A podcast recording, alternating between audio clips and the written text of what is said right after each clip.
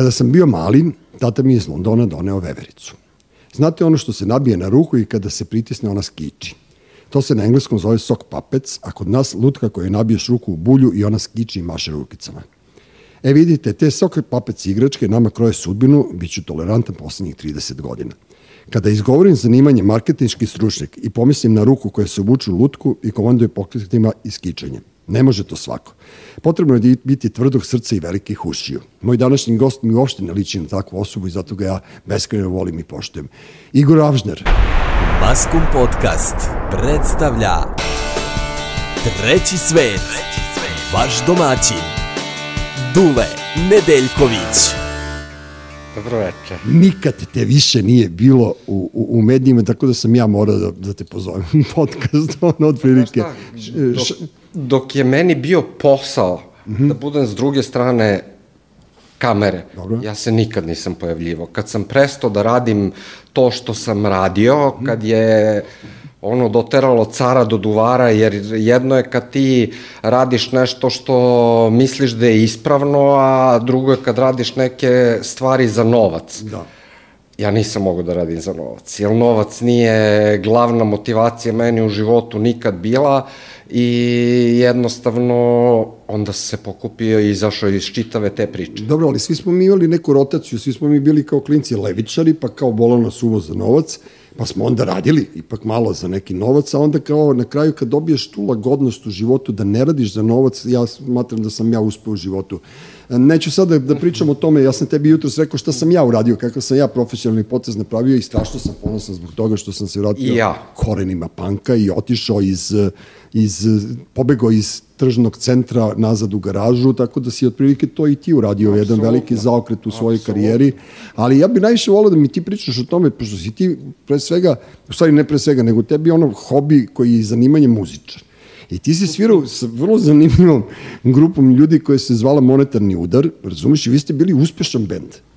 I, I personalno, a svirački malo manje, ali tako? Pa kako ko? Dobro. Znači, kad smo, to je bilo napravljeno Mlađan Dinkić s kojim sam se ja nekada družio, mm -hmm.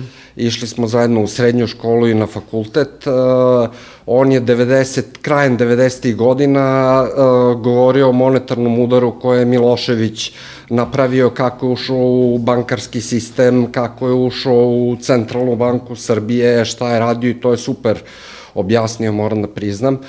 I onda ja još nisam ukapirao onda u stvari njegovu želju za nekom vrstom političkog angažmana. Mm -hmm.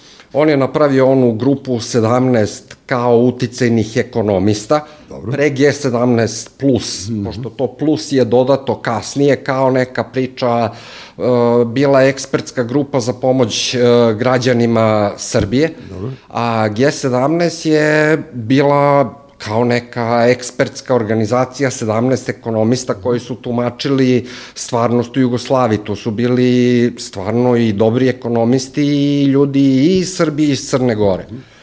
I onda je on pozvao nas par da dođemo da, pošto je znao da neki od nas sviramo malo bolje, a neki su mu bila zvučna imena, znači on i onda marketinški umeo to da urade, da. prilično dobro umeo da mm -hmm uradi i njegova, da kažem, upornost tada da nas okupi sve zajedno je bila fascinantna. Da. Jer mislim, ja sam se bavio advertisingom, pre toga sam radio u Sačiju, onda napravio svoju firmu, kad imaš svoju firmu, to je, mislim, naročito 97. 8. 9. Vrlo nepametan potez, da. Vrlo, ali ja sam da. onda rinto po 24 sata dnevno tad mi se i sin rodio i onda nemaš neke mnogo velike izbore u životu i onda je on insistirao, ajde, ajde, ajde, ja ću napravim to da mi sviramo, nije ni bitno kako sviramo, jer je on uvek gore svirao od mene neuporedivo i svirao je ritam gitaru. Dobro. Ja sam svirao solo gitaru i ja sam rekao, ok, da imamo ko je repertoar, koji su ljudi on je pozvao tu Dragišu Lekića, koji je bio onda direktor Societe General banke, mm. uh, Gorana Tulića, koji je, mislim da je neki hirurg, sad vajni profesor i tako dalje, super tip.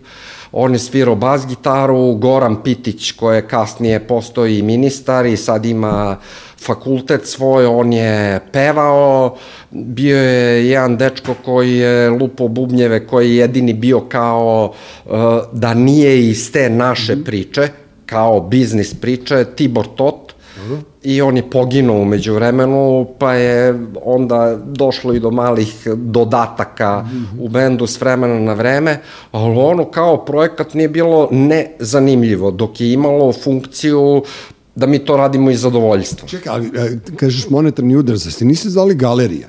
Ne, to je bilo pre toga. To je pre toga bilo. Dobro, nešto se ja pomešao. Pa bilo je bendova i bendova, mislim, da. ono, bavio garažni. Sam se, ja, bavio sam se ja time, ono, Pera Janatović ja kad sednemo, pa smo mi trkeljali tako te neke bendove, pa mi je ostalo to da je bila galerija, nisam mogao da se setim, sad sam se setio. Da, bila je, i da to je, to je, mogu ti reći, mm -hmm. bio prilično usviran bend. A kako niste, ovaj, gde ste svirali uopšte?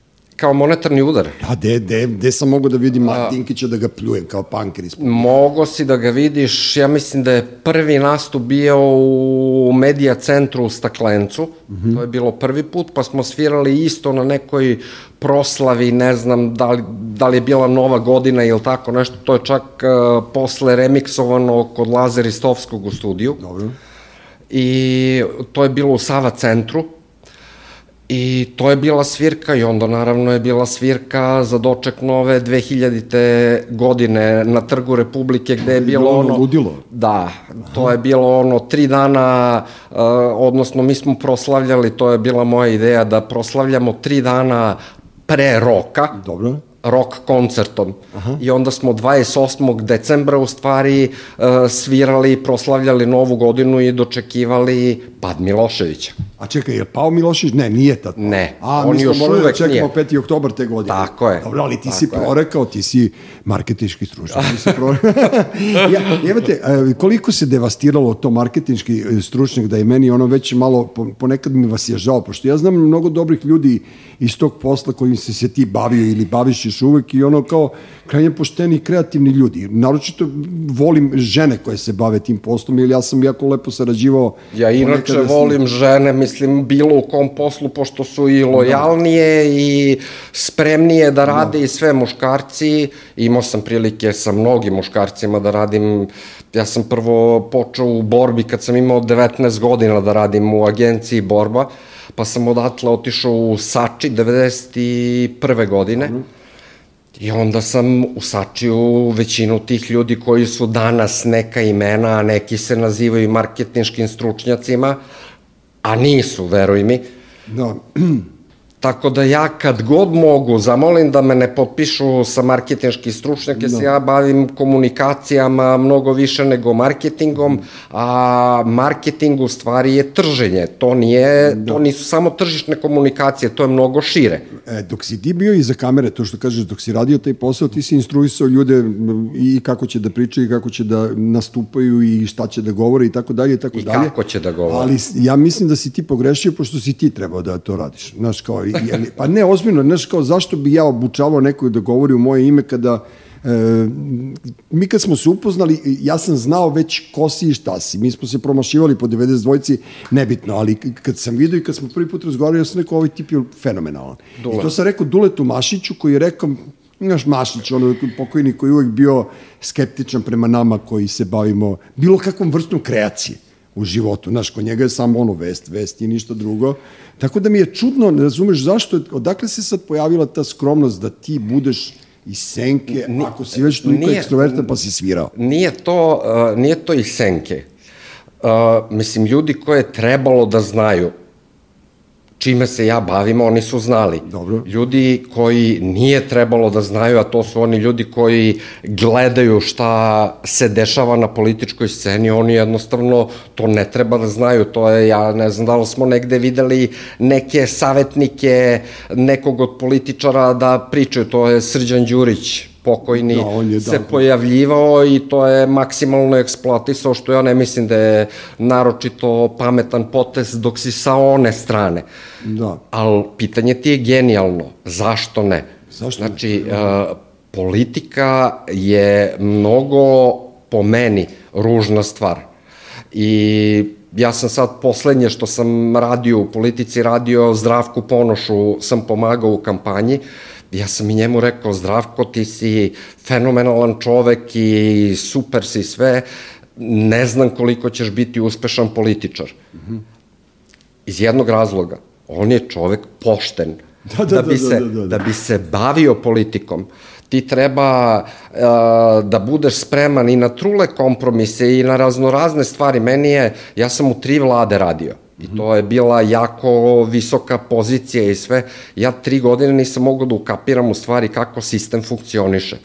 Kad sam ukapirao kako sistem funkcioniše, meni je Da, sistem, sistem nije profunkcionisao nikada. Evo, ja sam sad imao prilike, pošto, nažalost, desilo se te tragedije koje su se desile i mi, bio, bilo, bio sam vrlo blizu e, dešavanjem u Ribnikaru i sad kad su se neki ljudi angažovali, ja sam shvatio da je sistem obstruisan u stvari od najnižih slojeva ka najvišem. I kada neko uradi ovaj potes kao što je sad predsednik Vučić uradio da, da se on pita za sve, on apsolutno gubi konce u rukama. I to je, to je prema meni, neš, možeš da budeš da se predstaviš kako god hoćeš, možeš da budeš koliko god hoćeš pametan i operativan, ti ne možeš to kad imaš tu bazu vazala koji su one koji se plaše za sebe, oni tebe onesposobljavaju u potpunosti. Pa da, samo je pitanje da li je... ti najveća odbrana od toga da mi drugačiji, ono svesniji ljudi koji smo se sabrali i shvatili da treba da razgovaramo, na primjer, na čemu se insistira, mi ne možemo od tog saća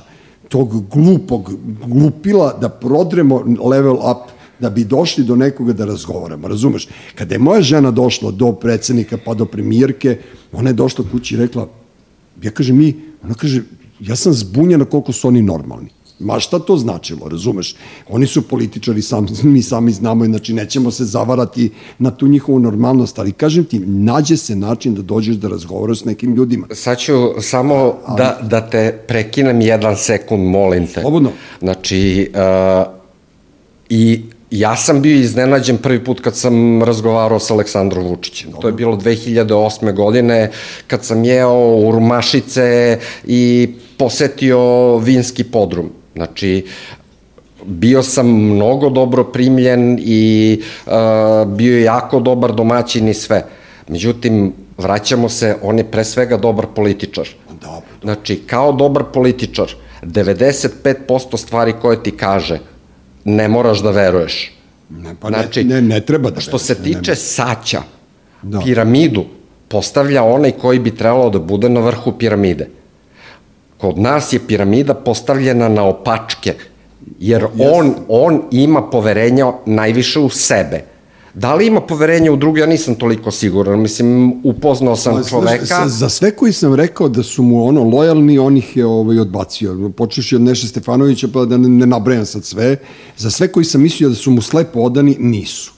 Znači, oni su svi interesna grupa, u stvari, i taj, tu interesnu grupu, dok mi budemo druže probili, Pa ti interesnu grupu možeš da probiješ samo time što će da probiješ njega. Da, da. Znači, da. rušenjem uporišne tačke će da se sruši čitava infrastruktura. Da, ali on mora da shvati jednu stvar, mi njemu ne želimo zlo, ja njemu ne želim ni batine, ni, ni, ni nešto loše i ja sam bio čak ono, jedan od prvih svoje vremena kad je bio kao atentat na ono, ja sam rekao, ljudi, jeste vi bre normalni, to je naš predsednik, neću da mi neko ubije predsednika Srbije. Ne, to se znači, slažem. S tim, znači, naš kao... moraš, moraš opet da shvatiš jednu stvar atentat na predsednika Srbije. Prvo što uh, raznorazne obaveštajne službe neće to da objavljuju unapred. Ma znam ja to, znači, dobro, da, da. to su bili klasični medijski spinovi. Dobro, to. Znači, uh, pričanje o tome neko će da gubi Ko, mislim, to je neozbiljno. Ali znaš ga, on koristi vrlo dobro tu priliku, e, tu, ono, taj moment, zato što je nama premijer ipak ubijen. I onda on kod tih nižih slojeva koji ne razmišljaju mnogo i koji ne čitaju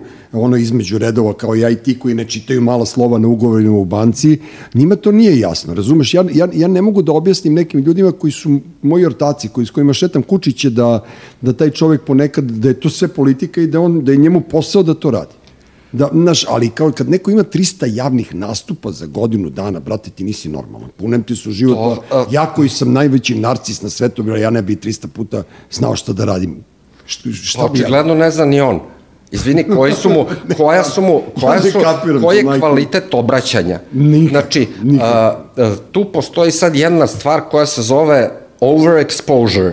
Dobro. Znači, preterano pojavljivanje. Znači, i ti dižeš tim stalnim najavama, mi ćemo sad a, a, dramatično da prikažemo kakva je stvarnost i dva dana se pumpa da će se on pojaviti. Mm -hmm. Kad se pojavi, to je kao Bata Živojinović, ono, sad ću da te... Sad ću da te ka- A nema ništa od toga. Da, da, nema karanja. Znači, nema. a, kod njegove ciljne grupe, on a, u jednom segmentu, oni koji su totalni zamlaćenici i, i stvarno veruju svemu što on priča na televiziji, ja, ja razumem te ljude, jer oni su potpuno, kako bih rekao, zavedeni. Znam Igore, ali gledaj sad, kad se desilo ovo u Rivnikoru, ja sam zapalio sa sinom u Ljig. Rajac, malo vozili kvadove, ovo ono, i sad sam pričao tamo s nekim ljudima. E, naša generacija i to minus ispod nas, oni, oni su potpuno nezainteresovani. Znači, nisu oni, ne gledaju oni to kao Pink, ne gledaju oni te vesti, nisu oni navučeni. Ali moja strina od 88 godina je spremna da se baca na kadinjači, na tenkove za njega, razumeš? Tako da ono, naš, mislim da polako ta, ta, taj dženderizam radi u našu korist, jer oni će, naš, polako stari ta grupa. Kad je bio Sloba, Pa mi smo... starimo i mi. Znam, ali kad je bio Sloba, brate, valjda su poumirale one babetine što su igrale kolo po ušću. Mislim, ja ne, znaš, već, već kao, čekaj, oni su svi, ono, dugovečniji od nas, jebate. Mi imamo sad po skoro 60 godina i sad odjedno kao mi matorci koji bi trebali da igramo šah na kališu i da slepo volimo predsednika, mi smo i dalje neka, kao neki faktor, kao neko, neke borbe, nekog bunta, bre, ajde više malo neko drugi. Pa to je dobro i za tebe i za mene da još imamo energiju. Pa ti, I dobro. da se još bavimo time. Babe i dede, mislim, sad je bilo 40 godina moje mature. Ja kad sam, ne, nisam, nisam, nisam otišao na maturu, ali kad sam video fotografije, Slike, da, da, da. Ma dobro. znaš, ono, znaš, ono, ono, utica i gama zraka na sablasne nevene. kada kaže, kada kaže bio sam na rođendan pre neko veče kod drugarice i kao kažem jedna devojka koju sam ja, jako voleo ranije, ona kaže joj kako si ti bio lep.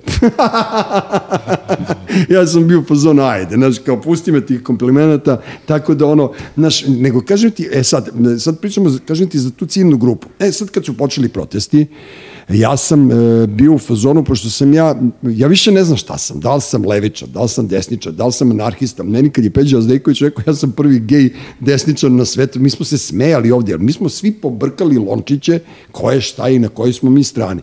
I onda ja razmišljam, ti lojalni špigel, ono inaš svira sviralo i sad kao vodi one pacove u reku, e onda stane neki til, ispred ove kolone protestne koja je krenula ka petnim Ostarskog i uvede ih u, u, u glasačka mesta. I onda zaokruži, druže, i to je to, tako ćemo da pobedimo. A ne ta reka ljudi... Ti imaš, taj- taj- imaš tog istog ti Lojogen Špigela i s druge strane. Znam, ali, brate, ako... Ja, ja, A njegova frula i svirala je mnogo glasnija nego naša. Ja smem da se kladim s tobom, a i ti to vrlo dobro znaš, da pola ljudi koji izlaze petkom i subotom na proteste ne ide na glasanje. Veruj mi da je tako. Još ako namesti neki Sve lep dan, slažem. ako namesti neki lep dan, pa to ne može da se izvadi iz kafića, ne može da se izvadi iz vikendice. Samo pričaju perfektu. Znači, E, ti dobro. ljudi nisu izlazili. Nisu izlazili. E, kao što nisu izlazili ni na proteste prethodne. To ti potpisujem. Ne, ne, A ne, ja sam apsolutno siguran Mislim, uh, prvi izlazak, ja sam bio na svih sedam. Dobro. Znači, prvi izlazak, ne mogu ja kažem da sam bio razočaran, ali to su već bili ljudi koje sam ja pomalo prepoznavao. Da, vi znate se sa protesta, to je ono je. najgore. Ono, da, Tako da, da, da, da, da, da. Drugi, treći, kad su krenuli da dolaze klinci, kad su krenuli da dolaze studenti, to je potpuno druga priča, Da. potpuno druga atmosfera. Znači, pored mene, ja sam to, imao sam neko gostovanje pre par nedelja na N1, ja sam rekao, pored mene je šetala gospođa Snežana sa svojom unukom, Ivom. Znači, meni je bila čast, veruj mi, da šetam pored normalnih ljudi. Ti ljudi su se deceniju zavukli u svoje stanove, isključili Pink, gledali nešto što ih zanima, problem nije kod nas koji smo se zavukli, nego kod te dece koja su poslednjih 10 ili 11 godina odrastale u ovakvom sistemu. Pa jeste, jeste, Jer je, e, jer e, nije nasilje, e, neko će me sačeka pa će da me prebije. Nasilje ti je sve ono što se reflektuje kroz skupštinu, kroz medije. Da li misliš da bi se oni ponašali tako u skupštini da nema prenosa? Ma kakvi? Ne, oni bi čutali, blejali bi tamo, ništa ne bi radili. Pa naravno. Apsolutno. Ne, oni svi imaju svoje uloge, kao što je zadruga napisana, ljudi ne mogu da shvate da je zadruga ima ne striktni scenarij, ali Tako ima je. scenario, danas Tako ćeš je. ti da se pobiješ sa Igorom, ti ćeš da karaš, ne znam, Tako je. Anđelu, ti ćeš ovo, ti ćeš Tako ono, kao što to postoji, tako postoji scenarij za skupštinu. Potpuno. Razumeš, i kad je Vladeta rekao svoje vremeno, kao kad se prvi put sreo sa Orlićem i rekao, puže koliko je to normalan dečko, i onda ti kapiraš... Iza kamera. Iza kamera. Pa naravno, a kad upoliš kamera, on, brate, ne možeš da ga gledaš ko Tako Gargamel. je.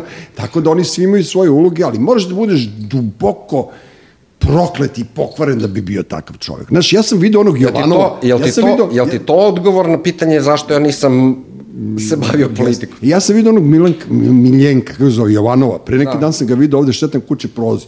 Dečko bi izgleda pre potpuno normalno. Znaš, i čak ono kad... izgled često Ne, vara. ali kako ti kažem, znaš, to je ona moja svađa s televizijom ranije, kad smo mi bili klinci, pa kao e, početak višestranačne u Srbiji, moje dva najomiljenija targeta su bili Radoman Božović i Aleksandar Bakočević.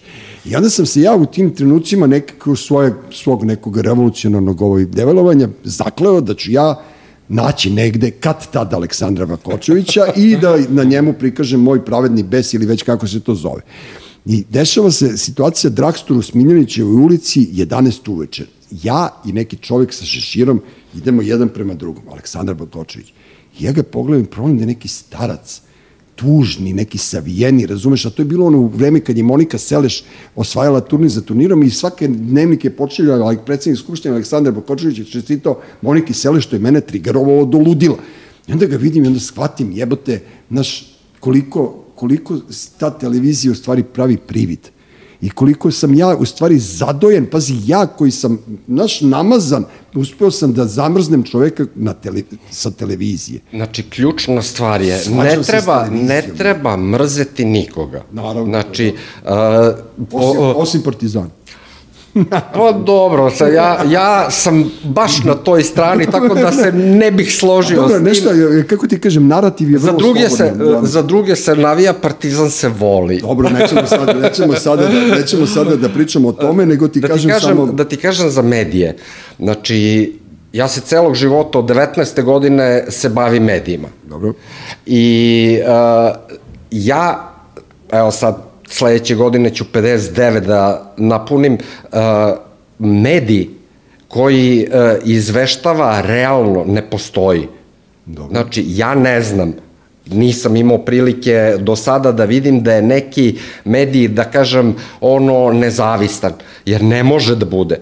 Jednostavno, uh, komercijalni mediji Ne može da bude nezavistan. Oni se finansiraju od propagandnih poruka. Da. Znači ti tu apsolutno moraš da odbaciš da će neko, uh, neka negativna priča o Proctori Gamblu, o ovom i onom da se pojavi. Oni su ogromni oglašivači. Znači svi ti mediji zavise od njih koliko je uticaj politike sad kod nas. Mi vidimo, mislim, sve ove medijske kuće su više ili manje na budžetima Dobro.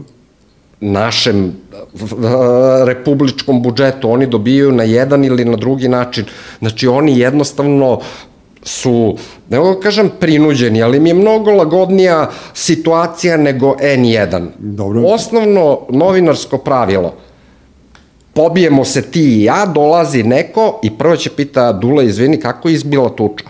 Onda dođe pa pita mene. Naravno, moraju da postoje dve strane, a ovde ne postoje, ovde se, pre, Ne postoji. ovde se prepucavamo preko, preko Vučića.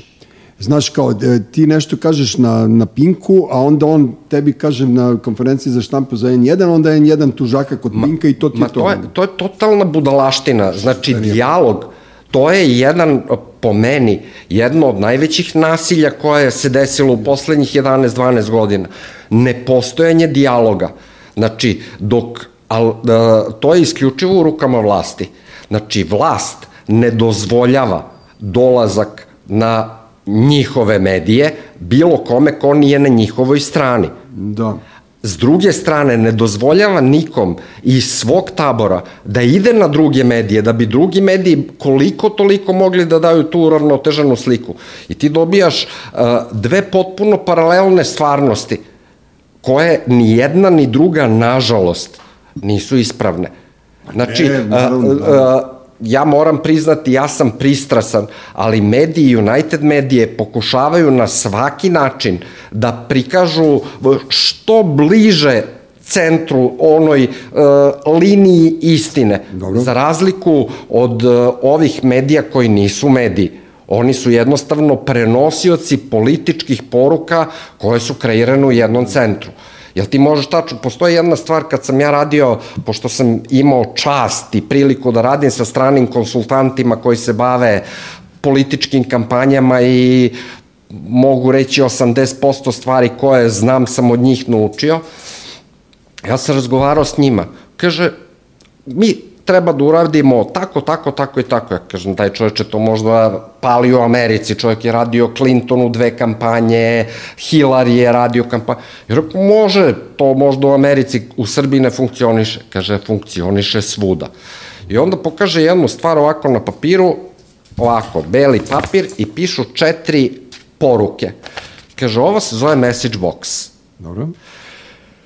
To su četiri poruke koje su istestirane i na istraživanju kvantitativnom, to su istraživanja koje imaju hiljadu i nešto ispitanika, i na istraživanju koje je rađeno na fokus grupama, 10-12 ljudi, pa ima nekoliko tih fokus grupa i oni pričaju priče tamo i jedno od pitanja je šta bi, kako biste vi reagovali da čujete tu i tu tvrdnju koju je izgovorio taj taj političar. I ovi kažu, jao, tvrdnja je super, ali političar, njemu ne verujem ništa.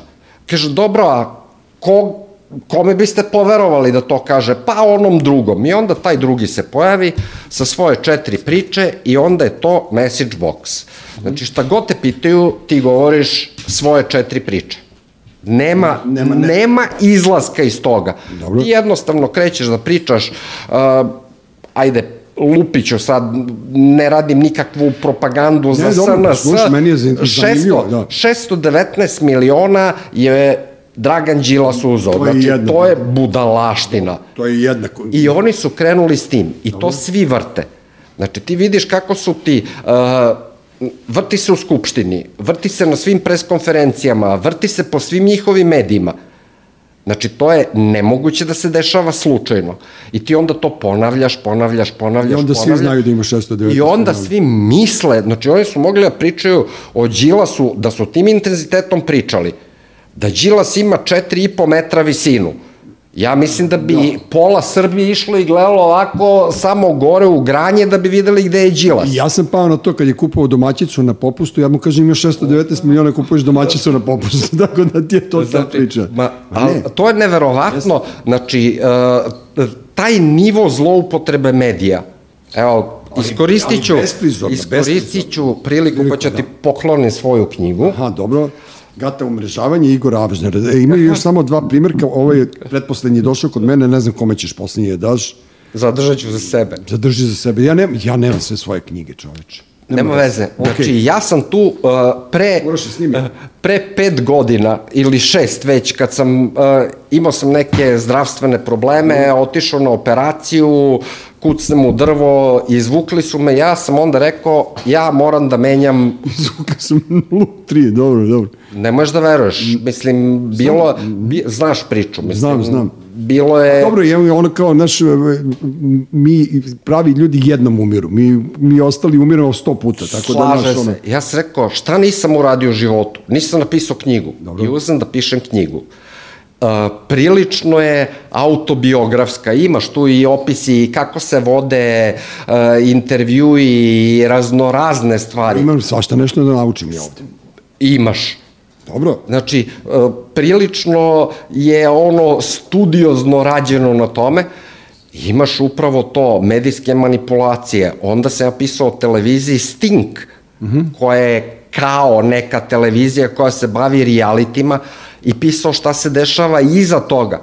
I neverovatno koliko su se te, to je fikcija knjiga, mislim, potpuna, stvari koje sam ja pisao kao potpuni ekstrem, one se danas dešavaju. Znaš šta, ja sam svoje vremeno e, u Americi e, negde, negde zakačio, znaš, onako usput da je Big Brother, kad je počeo taj format, ja ne znam tačno čiji je to format, engleski, holand, Yes. holandski recimo, e, da je to e, eksperiment ono politički koji ima političku konotaciju da se vidi kako će jednog dana da ljudi da se ponašaju pod koronom, na primjer. I onda, pošto se ja saznao da je to politički projekat, ja sam se strašno bunio protiv toga da to bude na B92.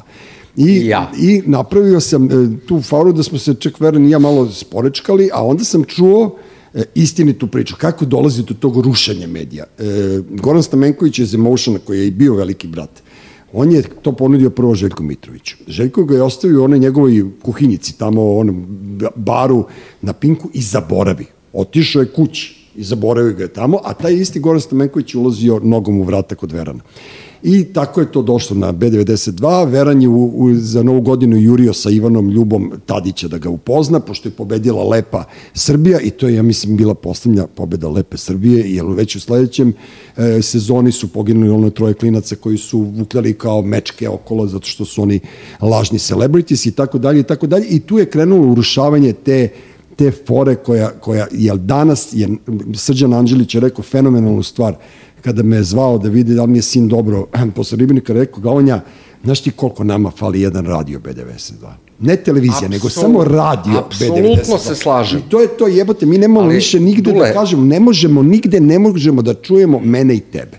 Jel, jel razumeš samo, što je samo da jako ti bitno? kažem, uh, postoji jedna stvar u advertisingu koja se zove USP. Dobro. To je Unique Selling Proposition. Znači, to je komparativna prednost. Šta je tvoja komparativna prednost? Kao kad ideš, hoćeš da uh, imaš 21 godinu i hoćeš da smuvaš neku žensku. Uvek. Znači, uh, šta je tvoja komparativna prednost? Da li si načitan, da li znaš da sviraš, da li nešto ti je komparativna ne znam, prednost? ne znam da sviram. Sve jedno. Znači, Mogu da lupam zvečke. Nemoj, zvečke, to marketinški stručnjaci, A, da, njima da. ćemo da ostavimo. Dobro, ti si jedini koji ne sviraš zvečke. Dobro, dalje. Znači, USP, uh, USP koji je imao B92 nije bila gledanost, nego poverenje. Ma naravno, pa to Znači, je o- oni su priču. uh, tog trenutka, kad su uništili poverenje, upravo time što su probali da jure gledanost i da se iskomercijalizuju, ja sam isto bio protiv toga, ja sam takođe Znam, da, da. s Veranom pričao i sa Sandom Savić i sa, mislim, Mici je bio onda još na 90 Vojt. To su bili, to je po meni bio promašaj, kompletan. Jer taj zaokret sa nečega uh, što je genuine, ono, uh, jednostavno medij kome moraš da veruješ. Jer ti uvek neko moraš da veruješ. Nikada neću moći da shvatim šta se tu prelomilo, ali mislim da je onaj ekspo, rođendan 92. u Expo centru, kad su Mici, Veran i Čalija dočekivali goste uvažene strane ambasadore i privrednike, kad smo došli Lisa Stojanović i ja, bili smo u fuzonu, brate, dajmo mi bežimo odavde, ovo nije 92. I to je, tu je krenuo sunovrat. I danas nonsens svih naših života na jednom kvadratnom metru, pazi, jedan kvadratni metar. Maja Žeželj, Nela Riha, Milivoje Čalija, Igor Stojmenov, Dula Nedeljković. Stojimo i pričamo. Ispred kafića, u kraju. I ja samo razmišljam, jebote, koji je ovo sukob svetova i energija na, na takvom malom prostoru, a niko se nije potukao, na primjer, i niko nema, naš, niko nema povišen ton. Da li smo se mi svi predali, ili smo svi ono kao vi nemam ste- pojma šta smo uradili. Svi ste odrasli. Jedino Čalija nosi japanke, brati, vozi motor u japankama i to je dokaz da je on endemska vrsta seljaka s banjice. Tako da ono naš, koji je ono kao jednom trenutku kao napredovo zaista rade i ona sebi. Jer ja ne mogu da kažem, Milivoj Čalija je od jednog dečka skromnog sa ulice, bukvalno koji je radio kao kolporter i koji je strašno voleo muziku, došao do toga da bude direktor marketinga televizije, radio televizije B92 i on je stvarno ja sam svedok njegovom ono, edukaciji i napredovanju u svemu. Gde se on polomio? Gde se Veran polomio koji smo ono cirkali pivo i svađali se da li je bolje Lajbah ili za ono plavi orkestar? Gde je Veran koji je vukao na radio studenta, ja na Hrvate na radio 101? Gde su ti ljudi nestali? Kako su se oni polomili uz put? Kako se ti i ja nismo polomili uz put? Ti si radio za pare, ja sam radio za pare. Mi radimo za pare. Ja sam radio seriju Željku, dobio sam pare za to što sam radio seriju Željku. Tad je bilo normalno, ali tad je bio Mića Vukod, ovaj, Miša Ko, Mihajlo Kovač je bio urednik Dnevnika i Crkavnjakov na Pinku. Sve se to promenilo. To hoću da ti kažem. Željko je odbio velikog brata da bi danas divljao sa zadrugom i napravio pakao na medijskoj sceni Srbije i napravio pakao na ulicama Srbije gde je uveo taj narativ povišeni da svako može svakome da jebe mater. Od, Pa od da. bilo koga... Samo, u- u- samo izvini, a, veliki brat je bilo urušavanje B92. Jeste, klasično. A, a ovo što se dešava na Pinku je Urušavanje urušavanje države. Srbije. Države, jeste. Znači, a, ovo što se sad dešava je a, projekat politički. Jeste. Isto kao što ja mislim da... Ali isto je reality, Igore. Ja shvataš, znači njihov, njihov informativni program je reality program. Ma, ja se potpuno slažem. To. Pa sve je tamo reality. Da, glasite za Krleta, glasite za onog, onog iz srpskog telegrafa, glasite... A, mislim, a, a, jednostavno, a, moć medija je toliko velika da, da ljudi, a, a, kad su u mogućnosti, to je kao gospodar prstenova, Jeste. Znači, kad su u mogućnosti da zloupotrebe medije u sobstvene svrhe, jako teško mogu tome da odole. Ja sam, evo da ti kažem, ajde, pričali smo, ako mogu da se vratim na onu Može, temu, Ovo, ovo je podcast, slobodno. ovaj, a, Nema komentara ispod ovog podcasta, niko može da priča što. a, jednom prilikom, kad sam ja već otišao iz vlade, pa je Dinkiću počeo da pada rejting, pa me pozvao nešto, jer je na moje mesto došla druga osoba, neću da pravim uh, reklamu za njih, zvao me i pitao je, izvini, šta ja da radim? Ja kažem, majstore, prvo što treba da uradiš je da isključiš ton. Znači, poruka nije samo auditivna, mnogo više vizuelno. Oni su napravili onaj veliko, veliku pozadinu, pisalo je ministarstvo to i to, on stane, ispriča nešto, pokupi se i ode. Pa to nije nastup. Ja kažem, daj meni malo da smislim šta da uradim i posle jedno deset dana ja odem kod njega i kažem, znaš, možda ne bi bilo loše, pošto su njega percipirali onakvog onakvim kakav jeste bio, znači mm. e, nije bio, nije imao nikakav odnos s ljudima, ličan, e, nije imao smisao za humor i tako dalje i tako dalje. Ti kažem, aj, malo treba da te humanizujemo. Šta treba da uradimo? Ja kažem, ili imaš neku fabriku sad otvaranje? Ja kaže, pa, evo, sad ćemo i pozove Ivicu Kojića, koji mu je bio onda šef kabineta, ko je sad Vučićev mm -hmm. šef kabineta, ali imamo neko otvaranje, ima neka fabrika, ne znam, ja, čarapa u, na jugu Srbije. Ja kažem, evo ovako, umesto da odeš u fabriku čarapa i da sve ono odradiš kako treba, rekao, kako to izgleda? Dolaze ti one devojčice, ti otkineš parče Leba, ono, soli, leba, ono, popiješ i kao prekrstiš se, odeš tamo i sečeš ono i to je to. Rekao, radit ćemo drugačije, otići ja pre toga. Pa ću ja da postavim kamere koje će da budu, znači, e, ne da snimaju od pozadi, nego od napred ti ćeš mm -hmm. da dolaziš prema njima. I tačno ćemo da obeležimo da ne mogu da idu, nego gde ih ja namestim, tu će da stoje kamere. Ti ćeš da dolaziš prema onoj traci, onda će ti priđu one devojčice, koje će donesu na jastuku makaze, ti uzimaš makaze i onda ovako ćeš da uzmeš makaze, da staneš i da izbrojiš 21, 22, 23. To ti je 3 sekunde, ti znaš šta je filmsko vreme, 3 sekunde ne radiš ništa. Onda uzmeš makaze, vratiš makaze, na, znači trebalo je da preseče, do, za te 3 sekunde on mogao da preseče. Vratiš makaze tamo i okreneš se, a tu je i za uvek špalir. Dobro. Okreneš se prema prvoj ženi, priđeš, zagrliš i kažeš, gospođo, neću ja da presečem vrpcu, preseći ćete vi za svoju decu i za sve ove radnike ovde i neka vam je sa srećom. Znači, to ti je sad ono kreiranje emocije. Da, da, da. Znači, to je po meni dobar PR potez. Znači, tako nešto pozitivno raditi. Mm -hmm. Naravno, on je rekao, pa da li stilu, da li misliš da ja mogu to da uradim? Ja to ne mogu da odglumim. Pa I nije uradio. Da, da, da, da. da, da sam to rekao Borisu Tadiću, on bi, on je bio fenomenalan glumac. Da, a dobro, rekao mu njega... šaper da gr, grli krave, jebi ga, tako, tako je. da ono naš. Tako je, da. ali kad, uh, naš, i ti političari su na kraju krajeva obični ljudi. A meni je potpuno genijalno ono što je Vitlao Vučić tamo po snegu da nosi ono dete. Meni je to super. Znaš, kao, e, kao još jednom nije dobro, nije dobro snimljeno. Tako Pa da nije postoje. samo postoje snimci Naravno. Dačića koji je veslao na Adi Ciganli, a pričali su da, su, da je bio Da, da, u da, da, Obrenovcu. u Obrenovcu, znači, jeste, to je uh, sve staging. Sve. Znači, ljudi ne mogu da shvate da mi živimo zaista u potpuno nameštenom realitiju. Jeste.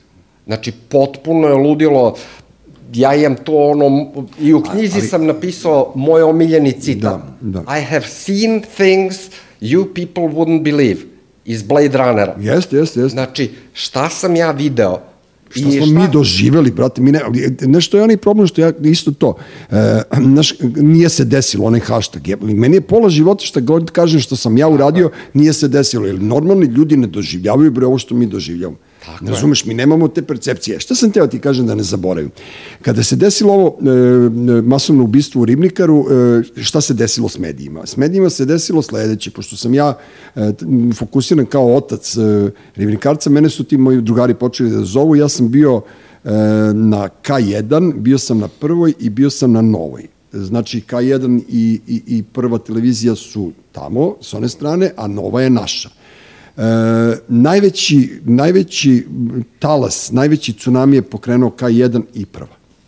Zato što su mene Jovana e, Joksimović i ova devojka, ne znam, ima, zaboravio sam i, nažalost, ne znam kako se zove, Bojana se zove ta plava jedna, pa su posle moju suprugu pozvali i naravno Maja Nikolić koja je ono, ono veliko, veliko majčinsko srce imala. Maja je fantastična. E, mene je Jovana pustila najviše, jer ja jednom trenutku kad sam pomenuo krovni čovjek koji je pustio suze u Mladenovcu, mogao je da ostavi neku suzu i za školu. Ona je krenula da me zaustavi i ispustila se. I onda su me pustili da se istovarim to što sam imao i tad je krenulo to inicijativa poziva u vladu i tako dalje i tako dalje. Znači, znaš, dok ne dođe do ne, to neke konzistentne teme, kao što je to, mediji se ne mogu probiti. Znaš, jer tada su, tada i ova i jedna i druga nisu mogli da zaustave to, da nismo mi pljuvali vladu, mi smo bili u fazonu, znaš, onda ono, ono, ono ludilo kad se tako nešto desi, jebote da se ne pojavi predsednik vlade ili Srbije ili gradonačelnik naš, pored škole, misleće da će neko da mu zvizne, ma neće, rastere ljude kobrama, skloni se, pojavi se, ti moraš da pokažeš da si tu, da si predsednik jebene države i da stojiš iza tog zločina. Jeste, i to je Niškova najveća greška ljudska, Što ne znam, Ana Brnabić kaže, pa ja nisam htjela da bi me vređali. Ma nek te vređaju, brate, dođi tu da te vređaju, ti moraš da se pojaviš. Onaj Šapić, ja ne mogu da komentarišem tog čoveka i njegov postupak, da je on sedeo sa ženom i decom u Trstu. Druže, imaš pola sata avionom od Trsta, da ovde poslaće ti bilo koji željko, nek ti pošalje avion. Doći ćeš u Beograd. Znaš, taj, e, taj sistem tu je pukao.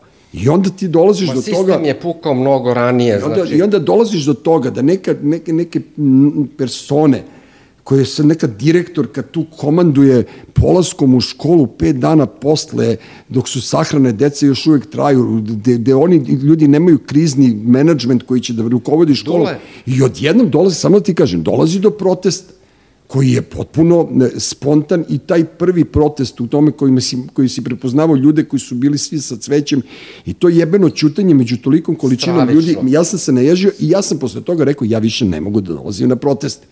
I dobro je što nisam dolazio na proteste, jer imao sam par nekih reakcija i dobro je što su ukinuli govornike, jer dešavalo se nešto, naši, naročito tu, ja sam shvatio da onda da mnogi ljudi ne misle mojim mozgom i da mnogi ljudi nemaju taj taj odnos prema životu ko što ti i ja imamo. Znaš, meni je prvo ono kao moj obraz i čast najbitnije, a sve ostalo mi je manje bitno. Došlo je do tog sukoba između roditelja kojima su deca poginuli i roditelja koji, koji su ostala živa deca, jer se Bičluk je pobedio. Oni su hteli da vrate svoju decu, jer njihova deca, bože moj, hoće da idu u školu. I onda se na protestu pojavi jedan od ljudi koji je pozvan da, da, da, da pokaže simpatiju prema roditeljima poginule dece, Zoran Kesić, i pojavi se on da govori na protestu protiv masakra. Pa jebem ti baš mater. Evo, ja ću onako lično da ti kažem, znaš, kao, e, to ti je to. I sada, pošto mi sve to što znamo i znamo, i sad ja da kažem da je on meni gotivac zato što Kenja protiv Vučića nije. Druže, nisi ispod čovjeka kad je trebalo da ispadneš čovjek. Nisi ispod čovjeka te je beba zvala, Negić, koja je, čija je čerka poginula i primila četiri metka i možda spasla neko dete u tom ludilu. Sigurno. Razumeš, u svemu tome nisi pokazao empatiju, a onda dođeš, govoriš na protestu i kao ti si veliki šmeker. A smejao si se na ideju izgradnje memorialnog centra i rušenja škole. Svašta će tu još biti svašta će tu još biti, tu će krivične prijave, tu, tu, tu, tu će se napraviti haos. Ali ja to neću sada ništa da pričam, pošto ja dosta toga znam. Ja ne znam ništa. Znam, zato što su prosto u procesu su tužbe protiv grada, protiv države, protiv svega i svačega, jer moje dete je bilo direktno ugroženo pucnjavom, zato što je bio tada u školi, njegova bezbednost je bila ugrožena na javnom mestu, pa počevši od toga, pa milion stvari, a da ne pričam šta će biti sve sa, sa ovim nesretnim ljudima koji su izgubili decu. Znaš, ja, sam za, ja navijam za to da se što, što više to e, ružno zvuči ne materijalno naplati, nego naplati nečim, da se napravi taj memorialni centar. Znaš šta, to je tragedija to, to jedne se, države. Znači, potpuno se slažem s tobom. Ali to licemerje, Igore, to je licemerje koje se pokazalo, recimo, i sada, još jednu stvar da ti kažem, kurir i N1, najgori. Sve vreme puška, sve vreme uvaljivanje. Zovu i sa N1 moju ženu. I ona kaže, ljudi, jeste vi normalni, šta ste ovo napisali? Oni kažu kurir, kurir je to objavio. Znači, N1 skuplja sa kurira. N1 u koga mi verujemo da će da nam donese slobodu i govore jednog dana. Pravi takve gafove, a pritom ih znam. Znam i Igora Božića, znam i Natašu Miljković, znam i, i Voju, sve ih znam. Meni je zabranjeno gostovanje na K1, na N1. Zašto? Zašto sam Kenja protiv korone da oni lažu za vreme korone, ali dobro, to je već, kako ti kažem, to je već ono, znaš, ja sam, ja sam jedini imaš, vakcinisan imaš, i antivakser bio imaš, sve vreme. Uh, imaš tu, uh, dok si pričao, pažljivo sam te slušao. Da. Uh, imaš uh, jednu stvar koja je nekonzistentna. Znači, uh, vi ćete da jurite da država kompenzuje to što se desilo. Ne kompenzuje, nego da odradi ono što treba svaka država Sve da odradi. Sve se slažem. Međutim, ovde uh, koliko će pojedinci koji u ovom trenutku čine državu i koji vode državu i koji su direktno uticali na to da takav sentiment zavlada. Da. Oni, njih to ništa neće pogoditi. Ne, ja... Nego će pogoditi i tebe, i mene, i sve ostale koji Pa, da. Država nema odakle da ti da pare nego iz budžeta. Nije... Budžet punimo mi. Da. Da li će neko dete da oživi zbog toga? Ne. Znači, da li treba neko da ima, da, da li će to bude memorialni centar ili treba srušiti školu pa napraviti neki ogroman spomenik ili nešto. Meni je bilo stravično kad sam čuo da e, po meni neki nenormalni ljudi e, traže da se deca vrate u školu. Pa dobro, znači, ali, ali ti nenormalni ljudi su e, e bili e, u toj meri toliko nenormalni da su oni vređali majke poginule Ma, dece. To su ljudi, le, to da, hoću da ti kažem. Da, da ništa sad... nisu rekli. Znači, samo, samo Evo bre, mi smo, mi smo ljudi, ljudi od 60 znam, godina. Ali predstavnik tih ljudi koji su pljuvali te majke je govorio na bini na protestu. I zašto se to desilo? Zato što ne postoji mozak koji može da rukovodi ljudima, da im objasni. Ljudi, nije sve to tako, što smo malo porekli, kao što je na televiziji. Razumeš, glumac je, kao što ljudi ne mogu da naviknu, ne možeš pljuješ bre glumca zbog njegove uloge. To se slaže. Razumeš, kao sad ti mrziš Dragana Nikolića što je bio prle. Razumeš, on je Dragan Nikolić, on je čovek kao što ti pljuješ koja ili ne znam nijako, pljuj ga kao osobu ako ga znaš, ako ga ne znaš, ne možeš da ga pljuješ be kao glumca, jebote. Znaš, kao to su neke stvari i sad kažem ti, tu dolazi do tog nečeg što se meni ne sviđa. A to je taj protest koji izvede 100.000 ljudi na ulicu. Od tih 100.000 ljudi ti imaš 100.000 čudi Razumeš? I kako ćemo mi sad to da pomirimo u, ovoj, u ovom trenutku svađe koja je nenormalna? Vrlo jednostavno. Ne znam. Vrlo jednostavno. Ajde daj, ako imaš recept, daj Bože. Vrlo jednostavno, ti ne treba uopšte ljude da miriš. Znači, Dobro. treba naći najmanji zajednički sadržalac. Zašto su ti ljudi izašli? Mene ne zanima. Uh, Da li su tu uh, Vuk dobro, Jeremić, naravno, Dragan Đilas, uh, ljudi ko, uh, uh, drugi neki desničari, levičari, znači to, ja nisam tu zbog njih. Niti su oni zbog mene tu. Znači, veruj mi, ja sam uh, sa Zoranom Ultovcem pričao, ja sam rekao, Zorane, da ima jedne zastave bilo kakvog obeležja, bilo koje stranke, ja se prvi ne bi pojavio. Naravno, da. Jer uh, ono što ljude objedinjuje na ovim protestima, to je upravo to uh, nije samo bol i tuga zbog toga što se desilo, nego bes. Dokle? Nije, to je pravedni bes i to je najnormalnija reakcija ljudi. Znači, Možda znači, smo bili tužni prvih, prvi, ali drugi smo već bili besni i treba insistirati na tom pravednom besu koji svako od nas ima pravo da ga ima. Jer, uh, osnovna stvar je da, da treba tražiti najmanji zajednički sadržalac Ja. Da ti možeš uh, da, da hodaš pored nekog ko uopšte nema uh, tvoja politička yes. uverenja. To je tvoja priča o mi smo, uh, mi smo, Antonelli, Rihi yes. i to ti Igori. Kažem, znači, je... ako ste mogli vas petoro, koji baš niste ono najkompatibilniji. Ali mi pričamo normalno, mi se pa, smejemo. Naravno, pa tako sam ja pričao sa svim ovim ljudima to koji, nisam ih pitao, mislim, oni, da li su me prepoznali, nisu me prepoznali, ja nemam srpsko prezime. Da iako nažalost ne znam slovenački. Ali jednostavno, znaš ono, pričam sa svima najnormalnije. Ako ćeš do mene, moja supruga pita kako ti možeš sa svima da pričaš? Pa mogu. Pa naravno, ali to je ono što si rekao, kako? Pa mi smo odrasli, mi smo sazreli ljudi. Znači, nezreli ljudi se kače na to da li sam ja Srbin, ja sam... Znači, što je čovek... Ne... I koliko kinte ima, što me izluđuje, Tako. brate. Ili imam koliko, ono sve u životu što sam imao potrošio. Ajde, sad ću da ti ispričam jednu priču. Ajde. Uh, 2008. godine, jedan moj sada na zdravo poznanik, Aha. a jako smo bili jedno vreme, odnosno ja sam mislio da smo jako dobri, napunio 50 godina. Dobro. I sedeli smo i pričali nešto, ja mu kažem, dobro, ajde, kaže mi, dao si intervju povodom 50. rođendana. Bio jako, jako poznat i jako eksponiran Dobro. i intervju je bio, imam više miliona nego godina. U šmekeru. Ja kažem, izvini, ja to ne mogu da razumem. Reku, u redu je to, mislim, ti si boga čovek, ja to razumem.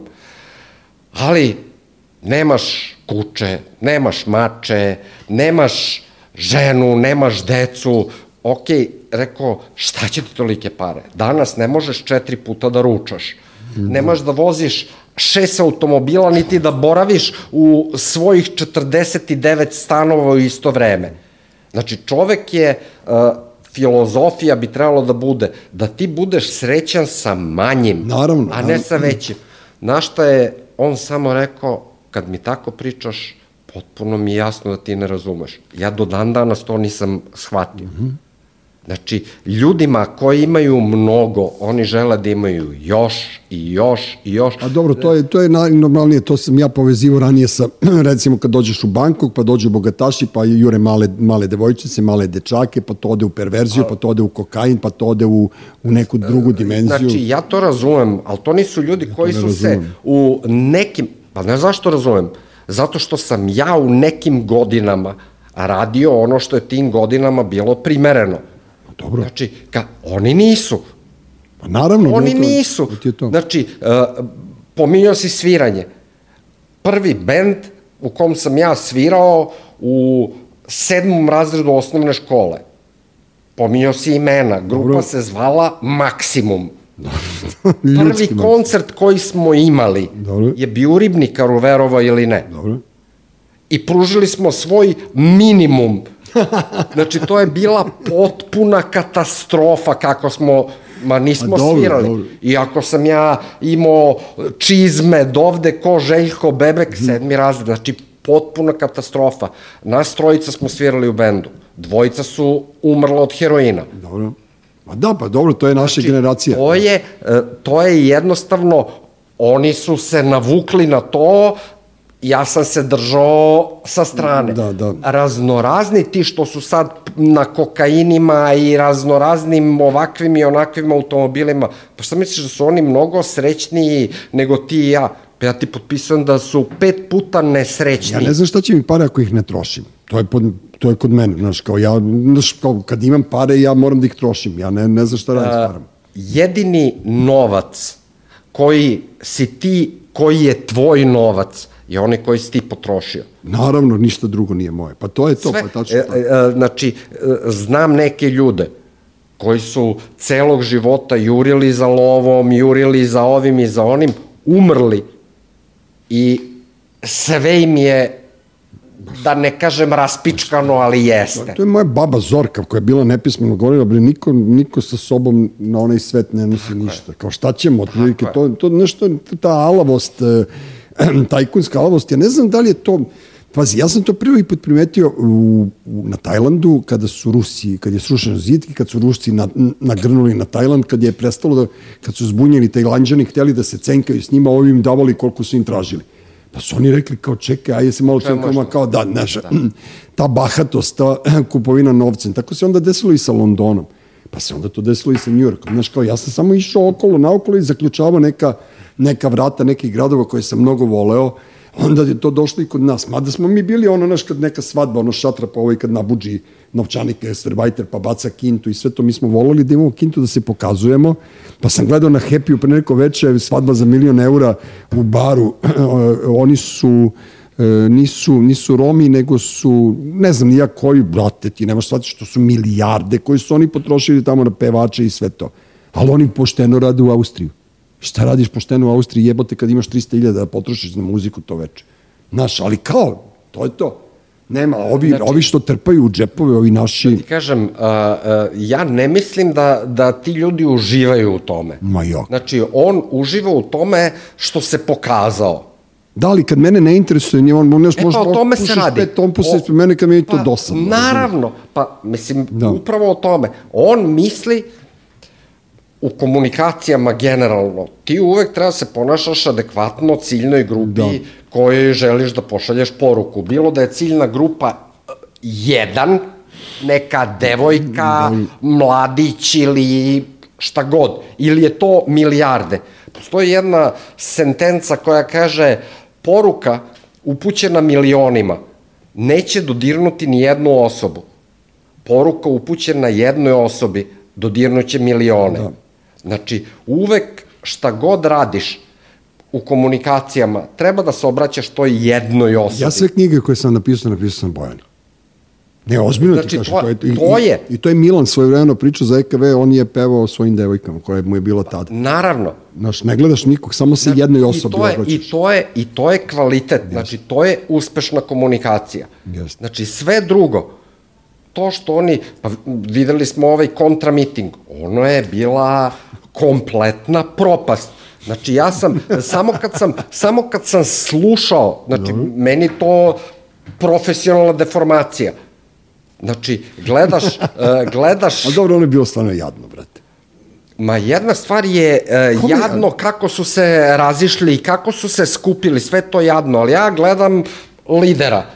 Lider koji je pokiso i šalje pogrešne poruke u pogrešno vreme na pogrešnom mestu i priča uh, ja vas volim, ne mogu da vam kažem koliko vas volim. Mislim... Koga voliš, brate? Kako možeš da voliš? Znači... to je on. E, ne znam, znači, jednostavno i to, on kao iskazuje neku ljubav i empatiju Lepo si rekao, što se nije pojavio u ribnikaru kada Ne, ali to je to. I onda, i onda, i onda ne, izvini, pojavio se, ja sam rekao to, kad je bio u Mladenovcu, pa kao plako je zajedno s roditeljima. Ja sam rekao, napisao na Twitteru, što ne ostiš malo suza iza ribnikar. I onda je on koristio tu moju rečenicu par puta u njegovim javnim nastupima kao eto, prozivaju me da ja nisam ostavio dovoljno suza za ribnikar, pa sam bio da potpišem onu knjigu žalosti, što su ga jebavali po mrežama, ali jeste bio u ribnikaru, to m, prosto znam, pošto je tu bila neka... Ma to je nebitno. Ma, mislim, ali kako oni prave od trivialnih stvari.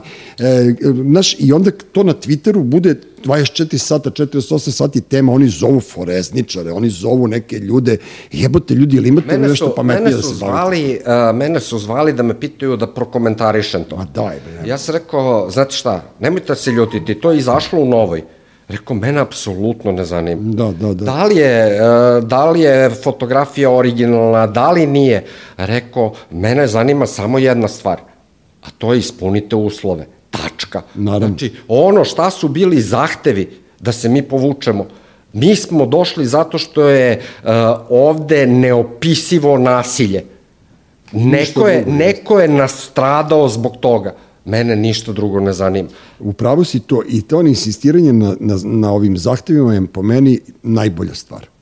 Znaš, kao vrtiš tih pet, bazi, ja za svaki mogu da ti dam primetbu, tak, ali neću.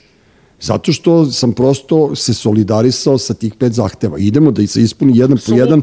Da li su oni, da li su oni realni ili nisu? I da li su najpametniji Mm, ili e, nisu? Pa mislim da, e, mislim da, da moglo je mnogo drugačije. Pa možemo da pričamo u kafani, ali u jasnom, javnom nastupu ne možemo da pomenemo, znaš, meni se sviđa jedan, a drugi mi se ne sviđa. Tako je. Ali to je moje lično mišljenje. Tako ako je. smo stigli, našli konsenzus, Apsolutno. i ako ljudi izlaze na ulicu po više gradova, Tako je. iduće nedelje će biti 10 gradova, 15, nebitno. Tako je. I onda njih ne interesuje. Mene baš briga za REM, evo iskreno da bude, mene baš briga i za Pink, meni je samo interesuje RTS, ja bih volao da, da uđe ono, finansijska policija RTS, da ih razjebe kao majmune, da ih sve pohapse tamo i onda kad budu oni bili u bukagijama, razumeš, onda ćemo mi vratiti javni se servis i to je to.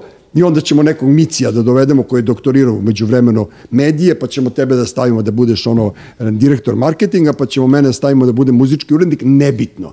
Ali mi nećemo da otimamo bre, od naših ljudi. Bre. Mene bi bilo sramota da ja radim emisije koje ne koštaju i koje ne postoje da uzimam pare za to. Jebote, da smo mi stvarno toliki degenerici da nam to rade.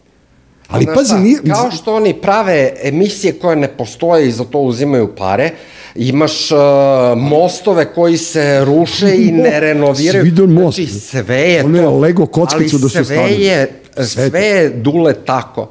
Mi ne radimo ili pravimo privid. Most koji bi trebalo bude ovako debelo i da ima toliko asfalta, ima toliko asfalta, Polovinu su oni marnuli asfalta na mostu. E, pa eto, zato se to desilo. Pa ako oni mogu da kradu asfalt, što ne mogli kraj, kradu emisije? Znaš kad sam ja Vesari rekao, ovaj, u, sedimo u cvetiću, moja žena, on i ja, pošto se mi znamo 200 godina, on još dok je u Zvezdi bila, nije jednom, i priča on meni kao ja metro kopam ovo, ono, ja sam rekao, Vesari, ti, ti si siguran, druže, da ćeš ti da kopaš metro?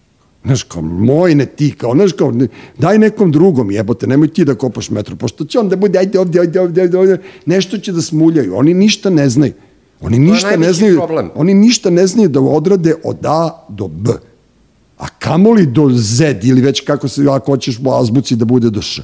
Oni ništa ne znaju. Majke mi rođe, ja mislim da su oni bunch of ono losers koji ono potpuno, Potpuno. samo jure kintu i to, ali postoje opet neke kao te mikro, mikrozone. E, Ja ne mogu da pljujem recimo Belef.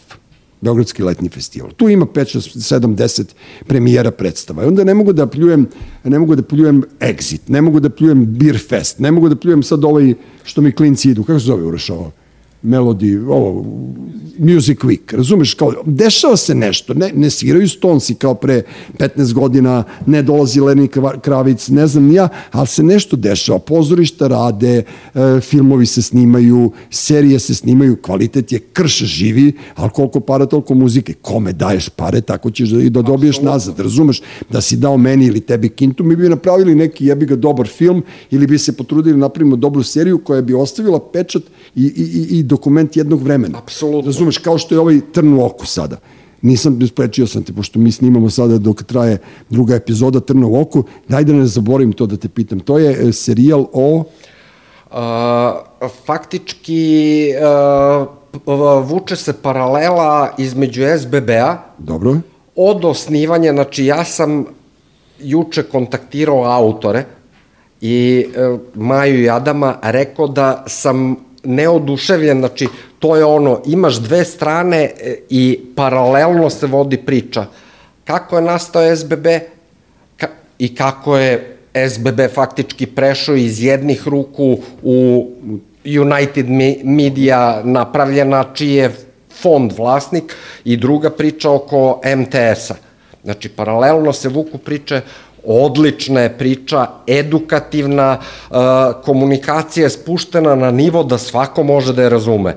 Dobro. Znači, ja sam učestvovao u nekoliko takvih dokumentaraca, ovo je pun pogodak. Dobro, pomenuo sam da su Maja Đurić i, i Adan Santovac to radili, tako, Tako je. da ono, znači, ne, ja sam ono bacio oko i meni to, kažem ti, meni je bitno samo da ima timeline, ono, kao u tim stvarima i da, i, Odlično i da ima onako da se lepo nadovezujete i, i dobro je to priča, ali vidim da ih je Lučić ispalio u zadnjem trenutku, da nije hteo da se ipak pojavi Ili se pojavio? se- ne, nije se pojavio. Da, pa naravno, njihova klasična fora, znaš. Tako ti Krle se nije pojavio Arete kad je e, napravio e, oral historiju idolima, ovaj degenerik je povukao on u zadnjem trenutku pred štampanje i uništio ljudima i, znaš, kao, to je mala izdavačka kuća koja bi mogla da zaradi na tome da opstane idući godinu dana sa troje, četvore, To je mala izdavačka kuća, Nebojša Krstić. Ne, ne, ne. On, on je velika izdavačka, a nije hteo, kuća. Are, Arete je hteo da izda njihovu knjigu o idolima, pa je onda on ispalio i onda je na, ostala su prazna mesta tamo gde je pisalo krle, ali ko s đavolom tikve sad i jebi ga naš, tako, tako. Meni je Zdenko, Zdenko Kolar je bio kod mene gost ovaj, u podcastu i onda nam je e, ono, e, rasterao maglu zašto su se posvađali Divljani Krstić, ali ko bude hteo da sluša, neka googla Zdenko Kolar i ja, a ovaj nećemo reći, pa sluš, slušajte, pa ćete vidjeti, a na tebi ću da kažem posle emisije da te ne bi terao da slušaš neke stvari koje ne slušaš. Dobro, sad kad mi pobedimo, kada mi dođemo do nekih izbora ili neizbora ili reizbora, mi definitivno moramo da pristanemo na izbore u jednom trenutku, je li tako? E, Apsolutno. Mislim da će, mislim da će, da je vrlo, vrlo verovatno da će postavka stvari biti takva da će to da bude na proleće iduće godine ili možda kasna zima, Ne negde oko Svetog Nikole. Možda, ajde, pro, nek bude proleće, on e, verovatno neće ispuniti ni jedan uslov od ovih pet, ja sam spreman u ruku da stavim da ono Batu neće da da Gašića, to je već rekao, REM će možda neku kozmetičku promenu da napravi, Pink i Happy se neće ukinuti, pošto to... Uzmi dule, piši knjige. Ma da, dobro, ne, se ne se baviš tim stanjima. Da, da, da, pusti, ti to. Da, da, pusti, ja, ali da, je se sećaš kad sam Znači, ti rekao... predviđanja toga šta će se desiti. Dobro. Znači, ovo je da sedimo ti i ja i rešavamo uh, sistem dve jednačine sa 500 nepoznatih. Čekaj, sad ću da ti kažem nešto, da te podsjetim na nešto koliko sam ja glupa, koliko si ti pametan. Jesi sećaš ko, za koga sam ti rekao da je idealan gradonačelnik Beograda? Za Tipsarević. ja sam tebi rekao da je Tipsarević I, idealan. I ja sam ti rekao da nije. Znači, isto ko što ti kažem... Onda ću ja da pišem e, knjige, ne stvarno, možemo, ajde. ne možemo mi uh, da sad, znači, previše je veliki uticaj i interes zapada Dobro. da bismo mi mogli da pretpostavimo, znači, zakonski lokalni izbori moraju da budu sledeće godine. Dobro. A, znači, jedno je zakon. Mi kršimo sve moguće zakone i prirodne i društvene, tako da svašta može da se desi i da se ne desi. To bi, znači, trebalo da bude. Logika je da oni ne mogu da puste, znači, SNS, odnosno ta neka nova udruženja, Da, dobro. pokreti i slično, gde će Pokret Vučić Srbiju, opet biti na čelu, da, jer to je sad klasično presvlačenje koje smo već jednom videli G17+, plus, kad mu je odletao rating minus 40, presvukao se u Ujedinjene regione Srbije i produžio agoniju još četiri godine ili pet godina u vlasti. A dobro i radikali u SNS na kraju krajeva. Radikali su ostali radikali, ovi su... uh, Ovi su pobegli, da, da, da. Ovi su kao bili radikali u rukavicama na početku, a onda su navukli bokserske rukavice Da, i i sad su da. i dalje, mislim, vratili se na fabrička podešavanja. Znači, uh, oni ne mogu da dozvole da bilo koji izbori budu odvojeni. Znači, gledat će na svaki način da svi izbori budu u isto vreme. Upravo da bi biračko telo, jer demokratski izbori mm -hmm. podrazumevaju da ti imaš demokratsku mogućnost izbora. A izbor ne računamo ono koga ću da zaokružim, nego da meni neko prezentira tebe, da prezentira mene, Peru, Đoku, Miku, ja kažem, ba, znaš šta, onaj mi se dopada, a ne ono kao što je bila, bio odličan oglas svoje vremeno, da li je bio uh, Financial Times ili je Times bio kad su bili u Britaniji izbori. Imao si uh, ono jednog tipa nacrtano kao na, u, sede u avionu i ono The Devil We Know, mm -hmm. znači đavo koga znamo, drugi je bio The Devil We Don't Dobro. i treći je bio Who the Devil, mm -hmm. ko je ovaj tip. E, tako je, na primer, bio Ponoš, the Devil, ko je ovaj tip, otkud se on pojavio od jedan put. Šta će on ovde, da. Znači, 70% Srbije, kad je on išao na izbore, nije znao, nisu znali ko je on. Znači, ti ne možeš da dopustiš da u demokratskoj zemlji ljudi za nekog kandidata uopšte ne znaju. A ukoliko se ne pojavljuje to što pričaju kao uravnoteženo je, ovi imaju dve kablovske televizije, a mi imamo uh, četiri emitera koji, koji su, znači, po zakonu o uh, elektronskim medijima, svako mora da pusti RTS i sve ove sa nacionalnom frekvencijom. Znači, ne može neko da uskrati Naravno. njima ulazak u kabel. Ne, znači, to, mi je to, jasno, je, da. to je potpuno disproporcionalno. Znači, ne može, to je kao da kažemo, da, ali evo ih Dule i Igor pričaju, to će biti na YouTube-u, a YouTube ima pokrivenost na celoj planeti, pa onda ne moraju da se pojave negde drugde, nego mogu preko YouTube-a. To, ta vrsta... To zaboravi, da. Ta vrsta komparacije, znači, prvo, demokratski izbori podrazumevaju Demokratska Maka, pravila je. Tako je, da neko slobodno može da izabere prvo u glavi, da imam izbor, znači ponudi mi neko reform tortu, vasinu tortu i ne, pa se ja opredelim, a onda kad izađem da mogu isto tako slobodno kako sam u glavi donao odluku da odem tamo i slobodno da zaokružim. A ne da mi više, vise neki nad glavom i da mi daju one bugarske vozove ili ne znam nija šta. Kako su to crnogorci lepo rešili? Ne, oni su baš kulturno to se završili. Pa da, sve kulturiška. E, a šta sam te da ti pitam da, da, da ne zaboravim? Vidiš, 11-12 e, godina koliko traje ovo. I vlast i opozicija su isti. Znači, isti su igrači. Ne menjaju Misliš se. Misliš da su ljudi...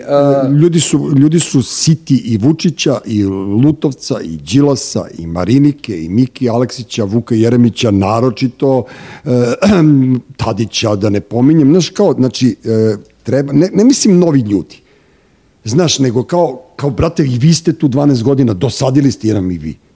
To je ono što ti kažeš, da se pojavi bilo koja zastava na protestu, ti bi se okrenuo i otišao. Znači, šta mi čekamo? Mi čekamo u stvari da dođe do toga da mi glasamo u stvari za pokrete. E, pa pre za pokrete nego za ljude. Pre za neku ideju, recimo, meni se sviđa što rade ovi ne davimo Beograd.